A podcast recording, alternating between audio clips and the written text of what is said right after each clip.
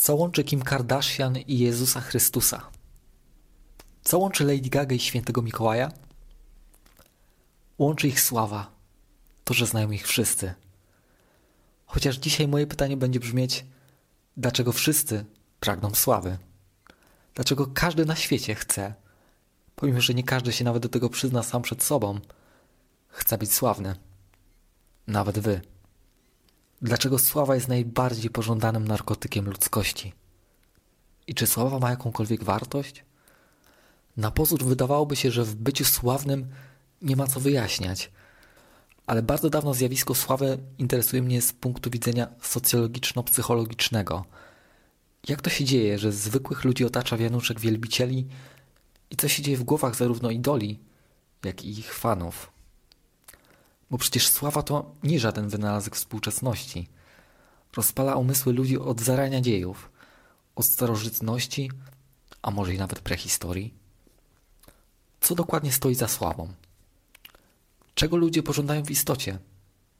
I co kompensują sobie za próbą bycia sławnym? Pytań tak wiele, tropów jeszcze więcej i brak jednoznacznych odpowiedzi.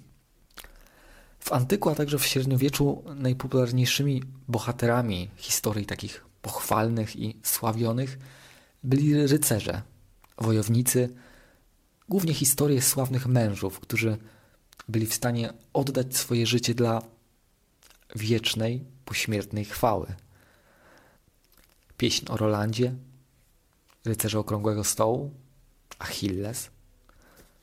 Podobnie ze świętymi, którzy przy klasztornych i kościelnych społecznościach gromadzili publikę i zagorzałych słuchaczy, a sami też sumiennie spisywali swoje żywoty z nadzieją, że następne pokolenia będą ich wspominać. I natrafiamy tutaj na jeden z tropów jednej historii, mianowicie sławy jako pragnienia zapewnienia sobie nieśmiertelności. Oczywiście pewnej jej iluzji, ale rozpalającej umysły wizji, że nawet gdy zjedzą nas robaki, to nasze nazwisko, nasz wizerunek będą nieprzerwanie trwać wśród żywych. Co w obliczu pierwotnego strachu przed śmiercią zainstalowanego w naszym mózgu miałoby sens? Co ciekawe, w średniowieczu gorączka sławy była mniejsza niż na przykład obecnie, co miałoby wyjaśniać, że wieki średnie były mocno pod doktryną chrześcijaństwa, które przecież w swoim założeniu oferuje już zbawienie i życie wieczne, co być może zaspokajałoby to pragnienie swojej ponadczasowości. To mogłoby też tłumaczyć fakt, że w starożytności, pomimo że koncepcja życia wiecznego istniała, to nie była tak zintensyfikowana i powszechna i sława była tam bardziej pożądana.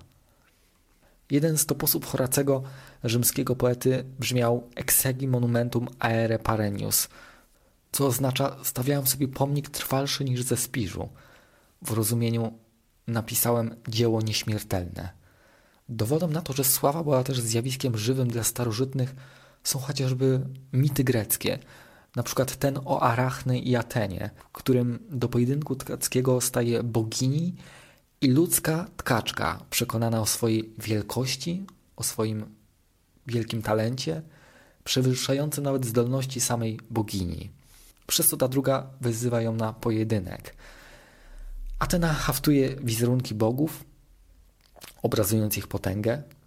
Z kolei Arachne na swoich krosnach wyczarowuje bogów, w miłosnych związkach z ludźmi. Jej tkanina jest równie piękna jak tkanina Ateny. Rozgniewana bogini rozdziera dzieło Arachne. Wtedy zrozpaczona dziewczyna popełnia samobójstwo. Atena później odczuwa smutek, w związku z czym postanawia przywrócić życie samobójczyni, ale już nie pod postacią człowieka, a pod postacią pająka, który do końca swoich dni miałby już tylko tkać pajęcze sieci, co miało być karą za pychę, a dla nas przestrogą. Podobnie jak w przypadku mitu o Marsjaszu i Apollinie, czy cieszącym się sławą Orfeufu. Nie byłbym sobą, gdybym nie wspomniał też o teorii sławy według socjobiologii, która od razu zapachniała mi też psychologią ewolucyjną, która mm, mnie ciekawi, a mianowicie jakoby sławę miał wyjaśnić mechanizm, który mówi tyle, że dzięki sławie, dzięki byciu w centrum uwagi, człowiekowi zwiększa się szansa na odbycie jak największej ilości stosunków seksualnych, co wszystko ma skupiać się na pierwotnej potrzebie kopulacji przedłużania gatunku, co miałoby być też atrakcyjne dla mózgu. Innym tropem, który wydaje się jeszcze bardziej sensowny, proponuje nam z kolei psychologia, która sugeruje, że chęć bycia sławnym jest wprost proporcjonalna do potrzeby akceptacji, przynależności, miłości, czyli jedną z najbardziej kluczowych potrzeb w życiu człowieka. Z tej perspektywy sława wydaje się wołaniem o miłość. W 2008 roku w ankiecie zapytano amerykańskich nastolatków, z kim chcieliby zjeść kolację. E, mieli do wyboru m.in. Alberta Einsteina, Jezusa Chrystusa, Jennifer Lopez, 50 Centa czy Paris Hilton. Wśród chłopców, którzy nie skarżyli się na samotność, zdecydowanym zwycięzcą był Jezus Chrystus. Wśród tych, którzy czuli osamotnienie, Jezus był ostatni, a zwyciężył raper.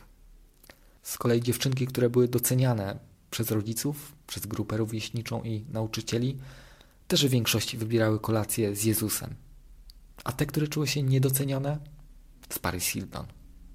Dzieci depresyjne częściej niż inne uważały, że sława by im pomogła. Tutaj też docieramy do istotnego punktu, na ile możemy rozróżnić zjawisko sławy od zjawiska celebrytyzmu i czy aby na pewno to są synonimy. Bowiem, jak już wiemy, sławni niegdyś byli głównie wojownicy, święci, władcy, później poeci i artyści. Ale czy oni wszyscy byli celebrytami? Niektórzy wskazują, że reguły gry zmieniło wynalezienie fotografii, która od tego momentu stanie się masowym narzędziem do kreowania własnego wizerunku. Bo fotografię można powielić, zmodyfikować i wysłać dzięki niej konkretny komunikat i ideę.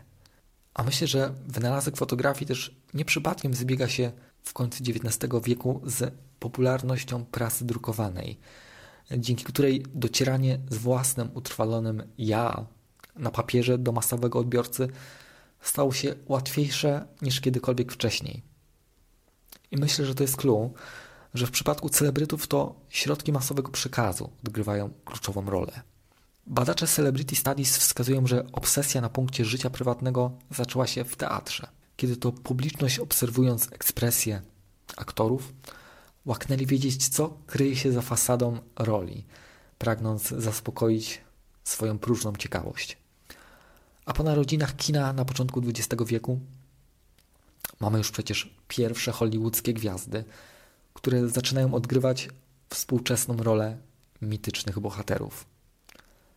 Prasa, radio, później telewizja i w końcu internet skróciły dystans pomiędzy publiką a sławami.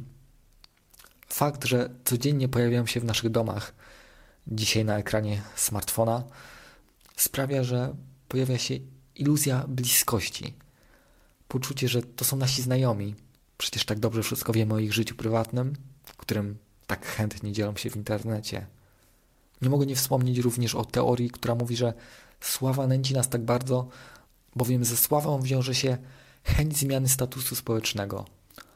Bowiem w naszym odczuciu sława niesie za sobą pieniądze, przywileje, prestiż.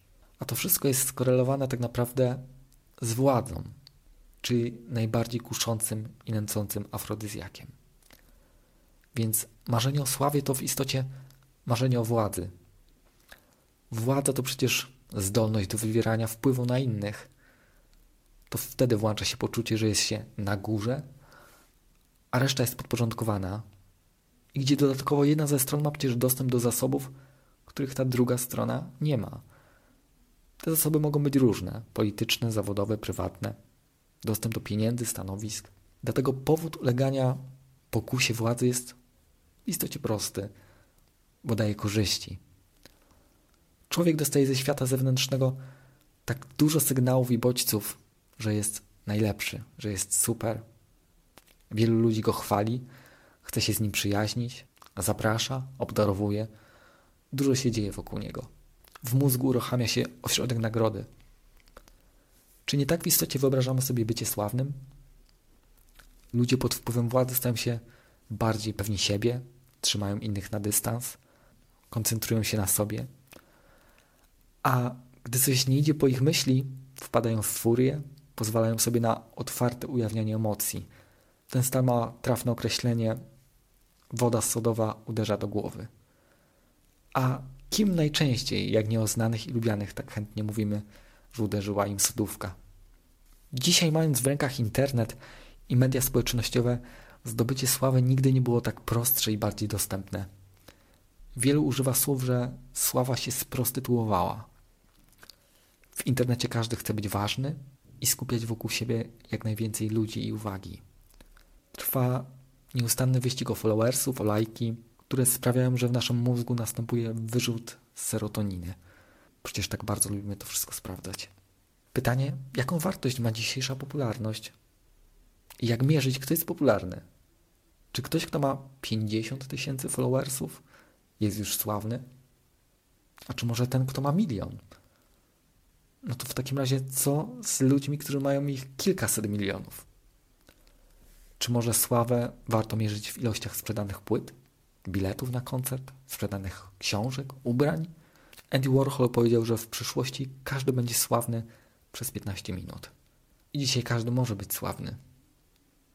Tylko kiedy wszyscy są sławni, to nikt nie jest.